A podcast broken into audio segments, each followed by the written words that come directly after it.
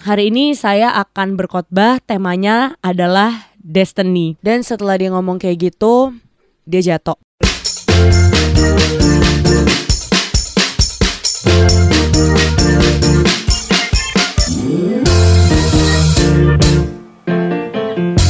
Hey, kembali lagi warga podcast di Kenny and Friends. Uh, gue Kenny Jafar yang merupakan host dari and Friends. Obvious banget ya namanya. Tapi um, di podcast kali ini mungkin agak sedikit berbeda, agak sedikit mengharukan mungkin. Um, ya, yeah, let's start. Jadi gue kenapa kepikiran buat bikin podcast ini sebenarnya karena setiap masuk bulan April, terutama setiap tanggal 21 April yang merupakan hari Kartini, itu membuat gue sungguh amat flashback atau mungkin itu masih menyakitkan hati gue karena 12 tahun yang lalu tanggal 20 April bokap gue dipanggil Tuhan, mm -mm, bokap gue udah nggak ada. Jadi 12 tahun yang lalu waktu gue masih duduk di bangku SMP, Gue itu salah satu pengibar bendera alias paskibra dan tanggal 21 itu gue harus mengibarkan bendera dengan menggunakan kebaya. Jadi gue waktu itu udah berlatih selama kurang lebih satu bulan ya untuk menjadi paskibra pakai kebaya itu sama teman-teman gue. Tapi sayangnya satu hari sebelum upacara bendera, bokap gue dipanggil Tuhan. Nah ini sih sedikit yang pengen gue um, ceritain gitu. Jadi bokap gue adalah seorang pendeta. Dia waktu meninggal itu memang sudah mengalami sakit yang lumayan berat sebelumnya. Jadi dia satu bulan di rumah sakit. Waktu itu gue masih kecil, jadi yang ngurusin semuanya itu sebenarnya cici gue. Gue nggak terlalu terlibat gitu kan. Yang gue tahu waktu itu adalah bokap gue sakit. Sakitnya itu ada udah komplikasi sih. Soalnya bokap gue itu ada um, diabetes dia tuh diabetes yang basah gitu jadi kayak kakinya udah ada luka dan luka itu nggak bisa sembuh karena diabetesnya um, suatu saat dia kayak bener-bener sesak napas gitu Terus cici gue insist untuk dia dibawa ke rumah sakit Tapi again cowok udah tua kayak berasa ah gue gak sakit apa-apa Kayak I can handle it gitu mungkin ya. Jadi dia bener-bener nggak mau ke rumah sakit sampai akhirnya dia batuk-batuk dan cici gue paksa. Akhirnya sampai di rumah sakit dan waktu itu dokter bilang um, intinya kalau terlambat beberapa jam mungkin bokap gue udah nggak ada. Jadi dari saat itu bokap gue dirawat di rumah sakit untuk sebulan. Bahkan waktu itu dimasukin ke ICCU jadi di ruang ICU ada lagi ruang satu kotak itu uh, namanya ICCU jadi emang udah separah itu karena kebetulan bukan kebetulan ya uh, karena waktu itu paru-parunya itu udah kerendam sama air kayak gitu. Jadi bokap gue selama batuk dia minum air terus kan. Jadi paru-parunya kerendam sama air yang membuat uh, jantungnya tidak bisa bekerja dengan maksimal gitu. Jadi jantungnya lebih lambat gitu jalannya. Itu yang membuat bokap gue susah nafas. Gitu sih. Gue fast forward aja karena nanti gue juga bakal telepon cici gue. Semoga diangkat ya. Sebenarnya yang mengharukan adalah waktu tanggal 20 itu tanggal 20 April gue merasa bokap gue itu udah sangat-sangat tahu kalau waktunya dia di dunia ini udah udah udah nggak banyak gitu. Udah tinggal sebentar lagi. Kenapa? Karena seminggu setelah dia keluar dari rumah sakit dia bener-bener ngeberesin semua kerjaan dia. Jadi bokap gue selain adalah pendeta, dia juga adalah seorang kontraktor. Dia membangun beberapa ruas jalan dan juga gedung. Nah, dia masih punya tukang-tukang kan yang kayak mandor segala macam. Nah, dalam seminggu setelah dia keluar dari rumah sakit itu, dia kayak manggilin semua mandor-mandor dan tukangnya dan somehow kayak dia bayar semuanya dan dia kasih gambar-gambarnya jadi dia kayak udah prepare untuk menyelesaikan semuanya gitu loh. Terus yang gue inget itu, jadi setelah bokap gue keluar dari rumah sakit, um, karena gue masih kecil waktu itu bokap gue ngajak ayo kita tidur bareng-bareng yuk. Jadi kamar bokap gue memang besar jadi gue disuruh tidur sama nyokap gue sama bokap gue jadi bertiga gitu satu tempat tidur. Nah gue teringat waktu itu setelah bokap gue pulang dia pulang di hari minggu setiap pagi tuh dia selalu ngedoain orang-orang terdekat dia. Kayak dia doain orang-orang gereja dia doain teman-temannya. Dan yang paling gue inget adalah dia doain kayak cici gue koko gue dan gue gitu kan. Waktu itu pokoknya dia doain buat cici gue semoga dia bisa dapat pasangan yang sepadan. Terus gitu dia doain soal kerjaannya. Terus fast forward ke doain buat gue. Dia bilang kayak gini unik sih. Um, Tuhan anak aku ini yang terakhir which is gue Kenny dia orangnya memang agak berbeda dengan yang lainnya. Um, tapi hatinya dia baik dia bilang kayak gitu. Dan the rest of the prayer gue agak lupa. Tapi yang pasti waktu itu gue nangis karena waktu itu gue berasa kayak bokap gue kok uh, doain satu persatu gini? Terus secara spesifik buat orangnya gitu loh. Kayak misalnya si tante A dia doain untuk keluarganya uh, doain buat anak-anaknya. Jadi tuh do bokap gue tuh bener-bener bangun subuh-subuh doa sampai berjam-jam gitu. Setelah gue denger doa itu gue merasa kayak aduh gue sedih banget gue nggak mau tidur sama bokap nyokap gue lagi karena setiap pagi gue bakal denger si doa itu kan. Oke, dan sampailah di minggu-minggu gue udah nyobain kebaya untuk pentas. Jadi kalau nggak salah itu hari Jumat abis ambil kebayanya dari tempat pinjam terus bokap gue bilang kayak gini kayak dek kamu hari Senin bakal jadi pas kibra ya pakai baju kebaya. Jangan lupa ya nanti suruh cici dandanin supaya cantik. Gue yang pas itu kayak ya ya udah nanti aja bilangnya gitu loh. Ngerti gak sih? Nggak usah hari itu itu kan hari Jumat. Maksud gue masih ada Sabtu Minggu gitu kan. Oke terus gue abain dan keesokan harinya dari Sabtu dia bilang lagi kayak e, dek kamu main saksofon dong. Dulu kan gue pengen belajar saksofon dan gue udah punya alatnya dibeliin sama dia segala macam terus dia bilang kayak coba dong kamu main saksofon. Terus gue bilang apa sih? Soalnya gue cuman bisa satu lagu waktu itu Twinkle Twinkle Little Star. Ternyata itu adalah last request dari bokap gue karena di hari minggunya dia insist lagi bilang ke pengerja-pengerja di gereja untuk dia maksa um, mau khotbah hari itu. Nah di kebaktian pertama gue, cici gue dan koko gue belum datang karena kita actually selalu kebaktian tuh yang jam 10 karena ngantuk kan yang pagi. Lalu kita datang ke kebaktian kedua. Jadi bokap gue sudah selesai di kebaktian pertama untuk bawain firman dan di kebaktian kedua yang jam 10 gue datang kebetulan gue waktu itu jadi pengerja kebaktian. Tiba-tiba udah selesai nyanyi-nyanyi, bokap gue bilang gitu kayak, ayo sekarang semua yang mau ke WC um, dipersilahkan. Soalnya nanti pas saya khotbah udah nggak ada yang boleh ke WC lagi, kayak gitu bokap gue tuh dari berapa puluh tahun dia berkhotbah dan jadi pendeta nggak pernah sekalipun dia bilang kayak gitu dan nggak pernah sekalipun dia melarang atau melanggar jemaatnya ke WC. Oke, okay, setelah uh, para jemaatnya balik dari WC gitu kan kayak nyanyi satu lagu pada ke WC, terus udah balik lagi, terus bokap gue bilang, "Baik, um, hari ini saya akan berkhotbah, temanya adalah destiny." Dan um, beberapa second setelah dia ngomong kayak gitu uh, dia jatuh. Dan itu adalah hembusan nafas terakhirnya. Jadi bisa dikonklut kalau bokap gue itu um, meninggal waktu dia lagi membawakan firman Tuhan gitu. Kayak I'm so proud of him um, di akhir hidupnya dia masih bisa membagikan firman Tuhan gitu kan. Jadi setelah kejadian itu uh, gue mulai merangkai semua puzzle yang waktu saat kejadian gue bertanya itu tanda tanya besar. Kenapa bokap gue suruh cici gue uh, make upin gue di hari Jumat gitu?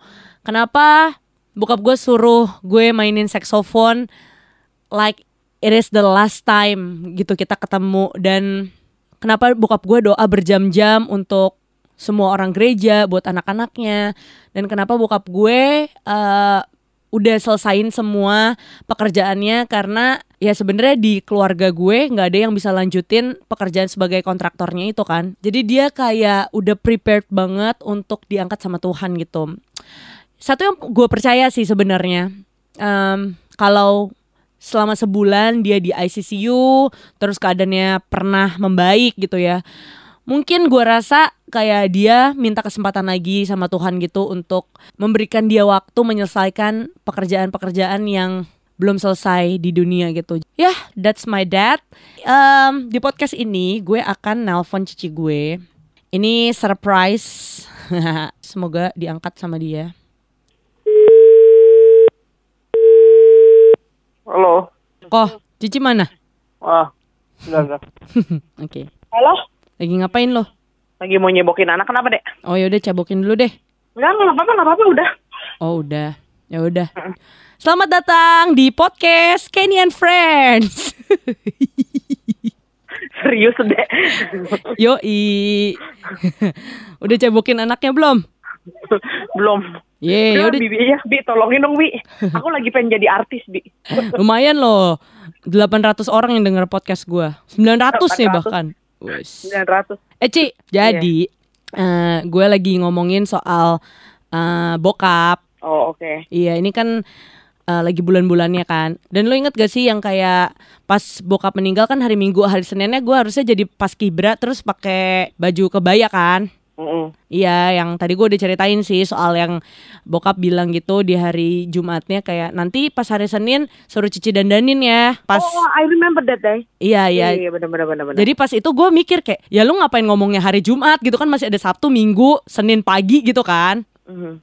Iya, tapi kan ternyata hari Minggunya bokap kan udah nggak ada gitu kan. Tapi kita selalu ingetnya tanggal 21 ya. Iya Selalu gitu. ingetnya tanggal 21, tapi ternyata gue cek itu tanggal 20 April 2008 ya bener ya. Yoi, udah 12 tahun Hari- cuy. Tapi gue inget hari Minggu dia meninggalnya karena dia habis khotbah.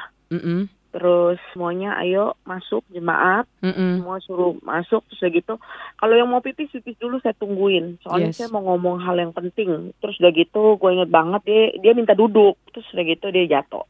Enggak, tapi ada satu yang membuat gue selalu merinding kalau misal ceritain itu. Soalnya dia ada bilang kayak hari ini saya mau bawain khotbah tentang ayo tentang apa inget gak? Gue nggak tahu, gue nggak gue nggak ingat. Tapi Lu emang kalau dengerin khotbah nggak pernah nyatet sih. Biasa di luar kepala ya. Itu bener-bener di luar kepala gue. Iya benar. Pokoknya dia bilang kayak ya mungkin poinnya atau judulnya dia bilang "Ah, hari ini saya mau bawain tentang destiny, tentang tujuan hidup. Dan abis itu dia jatuh gitu kayak itu benar-benar ada di otak gue kayak ya destiny dia sebagai seorang pendeta itu dia benar-benar genapin ya nggak sih? Iya, lu udah tahu belum sih sebenarnya tuh si papi tuh eh, ada ngomong dia baca buku apa ya? Ada baca buku lah, dia suka baca buku tuh. Terus dia bilang bahwa waktu itu ada satu pendeta, dia kalau nggak salah dia sempat meninggal terus dia hidup lagi, kayak mati Hmm. suri gitu loh, tau nggak? Dia Iya, dibawa ke surga. Terus dia bilang dia mau meninggal pas dia melayani Tuhan gitu. Nah, Iya, iya. dia ada ngomong tuh di mobil sama gua, kalau one day gue mau meninggal, eh, aku pengen lagi melayani Engkau Tuhan Wow. dia cerita. Nah itu itu yang bikin gue wow. Berarti lu bener-bener percaya sama Tuhan ya. Lu keep Tuhan di dalam hati lu ya. Menurut gue sih Tuhan kabulin Mm-mm, apa yang menjadi wish lu betul. gitu. Dia bilang kayak gitu. Eh, soalnya di pendeta itu dia bilang waktu dia ke eh, surga gitu, terus kan orang-orang pada nangis. Mm-mm. Tapi waktu dia di surga, eh, maksudnya eh, pendeta ini bilang, padahal waktu gue meninggal itu, terus kan gue naik ke surga, di surga itu malaikat tuh bersorak-sorai. Dan gue bingung kenapa eh, anak gue, istri gue, semua kerabat-kerabat gue tuh pada menangis. Padahal itu harusnya bersuka cita karena gue udah pulang dan menyelesaikan destiny gue gitu. Mm-mm-mm. Nah, jadi waktu itu gue inget banget itu, makanya pas papi meninggal itu kan gue bilang, oke, jangan ada yang pakai baju hitam Iya. atau putih, kita pakai baju warna-warni karena papi pernah bilang waktu dia meninggal itu, eh, maksudnya malaikat tuh bersorak-sorai. Jadi kita yang di dunia ini juga harus bersorak-sorai Mm-mm. gitu. Iya dan Oh. waktu tutup kem eh tutup peti tutup kembang lagi tutup peti em, emang kita di invitationnya itu kita tulis eh, supaya semua yang datang pakai baju yang mencolok ya warna-warni yang ya. warna-warni, yang cerah. That day tiga hari kan kalau misalnya orang Kristen itu ada tiga hari gitu eh, guys untuk eh, acara pemakamannya dan setiap malam setiap ibadah malam itu selalu rame iya nggak sih? Iya. bener-bener gue ngeliat bokap gue itu adalah orang yang sangat baik, yang sangat tulus, banyak yang sayang sama dia. Ya waktu hari kematiannya semua orang bener-bener datang gitu dari semua kalangan, dari yang Anak kecil juga datang loh, padahal ya. Mm-mm. gue baru tahu bahwa kalau in Chinese people ya, itu tuh kayak pamali gitu loh. Iya. Kalau misalnya kematian itu nggak boleh ajak anak kecil gitu, karena Mm-mm. uh, a lot of kayak bad things gitu loh di di di pem- suatu pemakaman. Lu ngerti kan maksud iya gue? benar.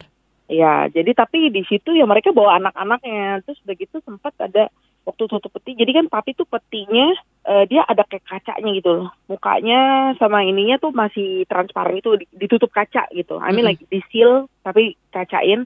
Dan itu tuh dia masih uh, I mean like uh, dia punya jasadnya itu masih masih merona merah gitu. Iya, iya. Waktu ada anak-anak kecil gitu, pada bilang, Om Irfan, Om Irfan, kok tidur terus ya, kok nggak play, nggak nggak ma- main-main sama kita ya gitu. Mm-mm. So jadi itu nggak nggak nggak nggak kayak serem gitu loh, nggak kayak Ya, ya, You know. betul. Dan gue inget banget pas hari yang kita harus ke San Diego itu, lu kan ada di dalam ambulansnya itu. Ya itu sumpah berisik banget di dalam situ. Iya. Wow. Nggak soalnya gini guys, jadi cici gue dari tiga anak yang dipunya sama bokap nyokap gue, cici gue tuh yang paling dekat sama bokap gue gitu kan. Dan tadi gue udah ceritain juga Ci sedikit eh, di mana kayak waktu seminggu dia dikasih waktu sama Tuhan gitu untuk beresin semua kerjaan dia segala macam. Yang gue nginep di eh, kamarnya dia, terus dia berdoa buat kita semua gitu loh Mhm. yang doain buat lu lah, doain buat Marco, doain buat gue gitu kan. Dan salah satunya adalah lu dengan pasangan hidup lu ya.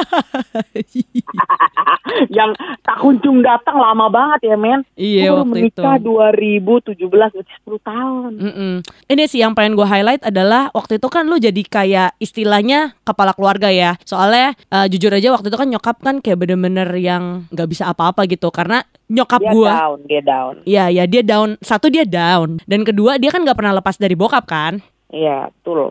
dia kayak dulu aja guys dia nggak punya handphone dia nggak bisa bayar listrik dia nggak bisa nggak bisa ini itu lah gitu karena selalu tuh bokap yang kasih uang bokap yang nemenin dia dia bisa dibilang 24/7 sama bokap gue gitu kan nah waktu itu kan lu mengambil peran istilahnya sebagai quote unquote kepala keluarga lu yang ngurusin ini itu segala macam waktu itu apa sih yang lu rasain Eh, sebenarnya gue nggak ngerasa gimana ya, maksudnya tapi gue tahu bahwa ya siapa lagi gitu kalau bukan gue gitu. hmm.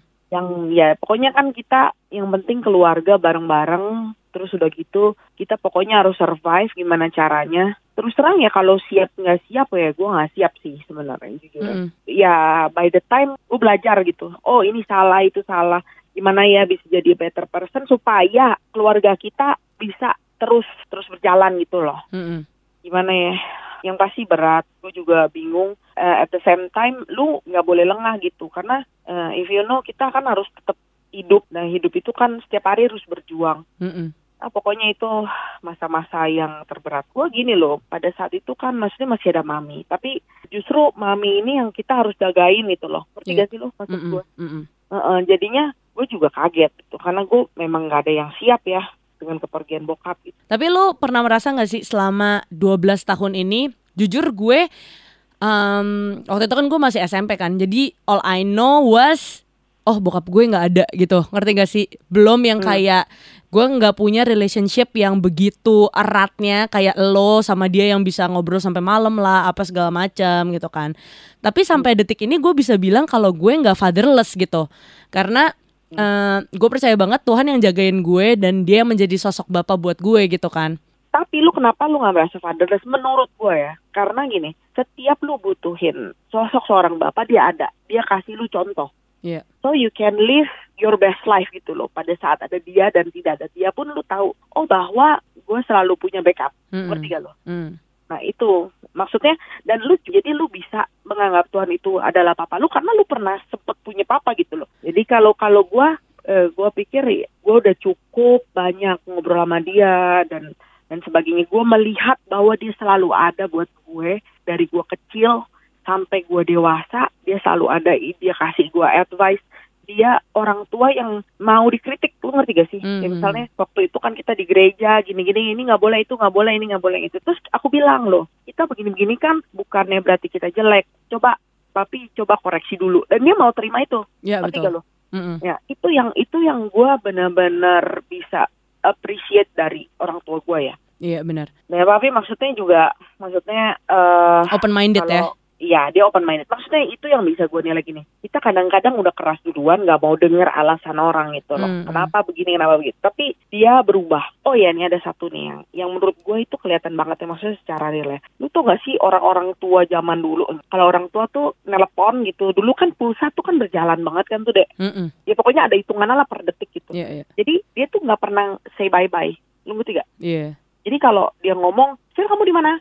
"Eh, kamu udah gini belum? Terus udah gitu tiba-tiba tut tut tut tut mati. kalau maksudnya kepentingannya dia udah beres, gue belum selesai ngomong, dia juga udah mati gitu loh. Mm-mm. Ininya apa teleponnya. Terus gue bilang, tapi kenapa nggak pernah say bye bye? Gue sampai pura-pura, oke pi bye bye, padahal dia udah tutut. Tut. Iya. nah itu gue keberatan banget karena menurut gue itu nggak sopan ya. Iya. Itu maksudnya ya, tapi dia mau dengerin. Tapi kenapa? Lo kan pulsa bayar, Cina banget. ya, Iya. nah, Terus udah gitu, terus tapi dia mau koreksi. Oke deh, bye bye sweetheart gitu. Dia Hmm. mau dia mau berubah gitu loh. Dia mau dengerin Iya, dan dia mau berubah. Itu penting banget. Nanti jadi cowok-cowok yang denger kayak begini nih mesti begitu. Iya benar. ya udah, gue gue juga jadi lagi lagi sedih. Oke, lu kan lebih banyak ngobrol sama dia nih. Eh, apa sih yang kayak value-value yang dia pernah bagikan ke lu gitu? Yang jadi pegangan gue banget ya. Iya. Maksud lo? Heeh. Ya, yang jadi pegangan gue itu Mm-mm. dia selalu bilang ini, lu harus uh, punya hati seperti merpati, tapi lu harus licik seperti ular. Uh, Lu nggak? sedap. Ya, kayaknya bener tuh. Itu Pernah. ada di Alkitab Ya, dia. kayaknya ya. Iya, itu itu masih di Alkitab. Dia kan soalnya pendeta. Oh iya bener juga. Nah, itu tuh artinya tuh kalau lu lu tuh harus pinter, tapi hati lu harus baik, harus tulus. Mm-mm. Tulus seperti merpati, cerdik seperti ular. Mm-mm. Nah, gitu. Dia bilangnya. Nah, itu itu gue pegang banget. Itu dan itu it works every time in Iya. my life ya. Itu benar. Terus ada juga di Alkitab juga nih dia selalu bilang, kalau orang lain jalan satu langkah, kamu tuh harus dua langkah. Kalau kamu mau berhasil. Itu juga ada di Alkitab, tapi kagak tahu ayatnya cuy. Google aja, ya. Google. nggak apa-apa. Nah, itu tuh itu it works in my life ya. Mm-mm. Dan maksudnya gini loh, em, orang-orang jalan satu langkah, lu jalan dua langkah, lu pasti lebih cepat sampai tujuan Iya. segala. Dan lu bekerja lebih keras, pasti lu juga belajar lebih banyak dan lu pasti lebih bisa berhasil dari orang lain. Mm-mm. It works. Dan bukan cuma gini ya, gue bukannya bilang, oh gue dapet terus dari dia enggak. Begitu kita ngobrol dia dengerin keluhan kita, dengerin apa kekinian kita gitu loh pada Iya. saat itu, Mm. itu juga dia memperbaharui ilmunya dia gitu loh, ngerti gak sih wawasan dia. Nah itu yang gue seneng dia mau dengerin dan memperluas wawasannya tuh dari kita juga anak-anak muda gitu loh. Mm-mm. Terus lu inget gak sih rumah kita tuh nggak pernah sepi. Ada aja yang kayak ngindep ya. Iya bener. Entah temen lu, temen gue, temennya Koko ya kan. Iya. Terus selalu ada di rumah. Dan karena mereka em, kurang sosok orang tua. Dan Iya. mereka tahu pulang ke rumah kita kalau ada apa-apa. Ingat gak sih lu? Mm-mm. Ya itu makanya, you know what I mean? Iya. Itu kayak punya sosok orang tua banget. Itu bukan cuman papi ya. Mm-mm. Itu juga ter- juga termasuk mami yang selalu kasih semua orang makan ya nggak sih? Iya benar benar benar. Dan gue percaya banget sih kayak apa yang udah orang tua kita lakuin, kita bisa menerima hasilnya sekarang gitu loh. Ngerti gak lo? Ya doa-doanya dia semuanya, Iya, ya. iya. kebaikannya dia. Betul. Jadi kayak- orang membalasnya juga di anak-anaknya ya nggak sih? Iya, kayak gue flashback lagi waktu terakhir kita mau beli peti, inget gak sih? Kayak Heeh. kita nggak bisa milih uh, peti yang terbaik lah dengan uang kita. Tapi inget gak sih ada seseorang yang mau bayarin supaya petinya itu lebih bagus? Karena harga peti men mahal banget cuy. Yo Gue icu. baru tahu. Makanya ya, lu hidup ya, jangan susah men. Jadi lu udah siapin dulu tuh, lu mau mati lu ada ada duitnya cuy. Iya benar-benar. Mahal, bapak ibu saudara. Sabar bu ibu, suara ibu-ibu banget. Jadi again di hari Kartini ini, ah udah lewat lagi hari Kartininya. Ah podcastnya kurang up to date nih. lu jangan makan endorsan lu mulu. iya bener. Gue ingin sampaikan sesuatu ya. Oh ya Jadi silakan bu. ketika lo punya orang tua, masih punya orang tua lengkap. Aduh, gue paling sedih tahu gak sih apa? Saat gue menikah tuh nggak ada yang dampingin gue. Aduh. Cici, Cici, lu harus nonton Hi Bye Gue Mama. udah tahu. Eh, itu sama yang film pelakor. Gue takut banget memulainya, cuy. Nah, kenapa gue bisa kepikiran si podcast ini juga gara-gara di Hi Bye Mama itu. Jadi gue ceritain sedikit ya, ini bukannya spoiler. Kalau di Korea itu orang-orang kan bukan dikubur, jadi yang pakai abu ya. Dibakar. Nah, terus kan kayak ada ruangan-ruangan yang untuk taruh abunya itu kan. Heeh. Nah, jadi di ceritanya Hi Bye Mama itu ada satu bapak yang udah meninggal. heeh. Nah, Terus tapi dia belum naik ke atas, istilahnya masih di bumi gitu, tapi udah jadi ghost lah ya. setan. Iya, Heeh. dia bilangnya di situ ghost soalnya. Nah, dia tuh sebenarnya driver, Ci. Heeh. Setiap hari tuh ada aja yang datengin gitu loh kayak istrinya, anak-anaknya, bla bla bla. Sedangkan bosnya Oh. dia yang meninggal juga dan di situ kayak abunya dimasukin ke lemari yang istilahnya yang Mewah paling banget. mahal di sana gitu kan. Heeh. Tapi dia sedih karena nggak ada yang datengin gitu istilahnya. Nah satu hari anaknya datang ke sana, anaknya tuh udah mau merit, tapi si yang ghost ini yang bapaknya ini dia lihat kok anak gue sedih ya, udah mau merit tapi sedih gitu loh. Selidik punya selidik, ternyata anaknya itu sedih karena dia nggak bisa throw a party for her daddy gitu loh, ngerti gak sih? Buat orang tua itu kan sebuah kebanggaan untuk bisa Ya. menggiring anaknya ke pelaminan gitu kan. Dek, Dek, sumpah, lu kat- kata-kata lu perlu diperbaiki nih. lu perlu les bahasa Indonesia. Menggiring. Menggiring. Itu dia domba sapi. Aduh. Masa Sorry, Allah, sorry, sorry. malu banget punya adik lu. tapi tapi ujungnya dari episode itu adalah em, akhirnya anak ceweknya itu jalan di aisle-nya itu sendiri dan bokapnya yang jadi ghost itu eh, dia tetap Mengiring- jalan Eh, mengiringi dia. mengiringi dia gitu dan teman-teman ghost bokapnya yang ada di uh, rumah abu itu ikut ke situ ceritanya. Tapi gue juga sempat kepikiran sih kalau misalnya nanti one day gue merit ya, gue nggak mau jalan sama yang lain sih ngerti nggak sih karena nggak ada sosok yang bisa menggantikan bokap gue gitu loh ngerti gak sih lo? Gue tuh pengen yang di film-film gitu kan ya. Iya. Didampingin orang tua. Last dance with your dad gitu. Aduh sedih banget sumpah. Iya iya. Tadi yang lu mau omongin apa ya? gue mau bilang bahwa selama lu masih punya orang tua, kalau hubungan lu buruk, ya pokoknya cari cara lah bagaimana. Mm-mm. Soalnya nggak punya orang tua itu sedih banget, Iya benar. sedih banget. Jadi cari cara lah bagaimana hubungan kalian harmonis. Iya. Bapak-bapak, ibu-ibu, Semua yang ada di sini. Iya, tolong. Jadi kalau masih punya papa, punya mama, hargailah itu dan maksudnya i- find a way gitu loh supaya Iya. kalian tuh bisa happy selama masih hidup. Mantap luar biasa Selvia Jafar. Mantap luar biasa, haleluya. Kalau eh, ini kalau podcast kagak dapat duit ya, Dek? Nggak dapat, mohon maaf Bu. Podcast gue nggak ada yang mau sponsorin lagi. ribu mah lu dapet deh. Iya bener tuh langsung dikasih 1 M sama Spotify. Ini masalahnya gue kagak nih. bener. Yo coy. ah ya sudahlah. Terima kasih Selvia S Jafar. Eh, mungkin Oke lah. anakmu sudah mulai berkerak ya. Silakan dicebokin. Oke baiklah, ya. Kalau sembilan ratus ribu dapat duit, tolong bagi-bagi ya. Oh ya kan siap rekening gue. siap. Bilang dong warga podcast dadah gitu. Warga podcast, bye bye. Keren kan namanya warga podcast. Mantep. Lu luar biasa, Dek. I love you, Dek. I love you too. Mua, mua.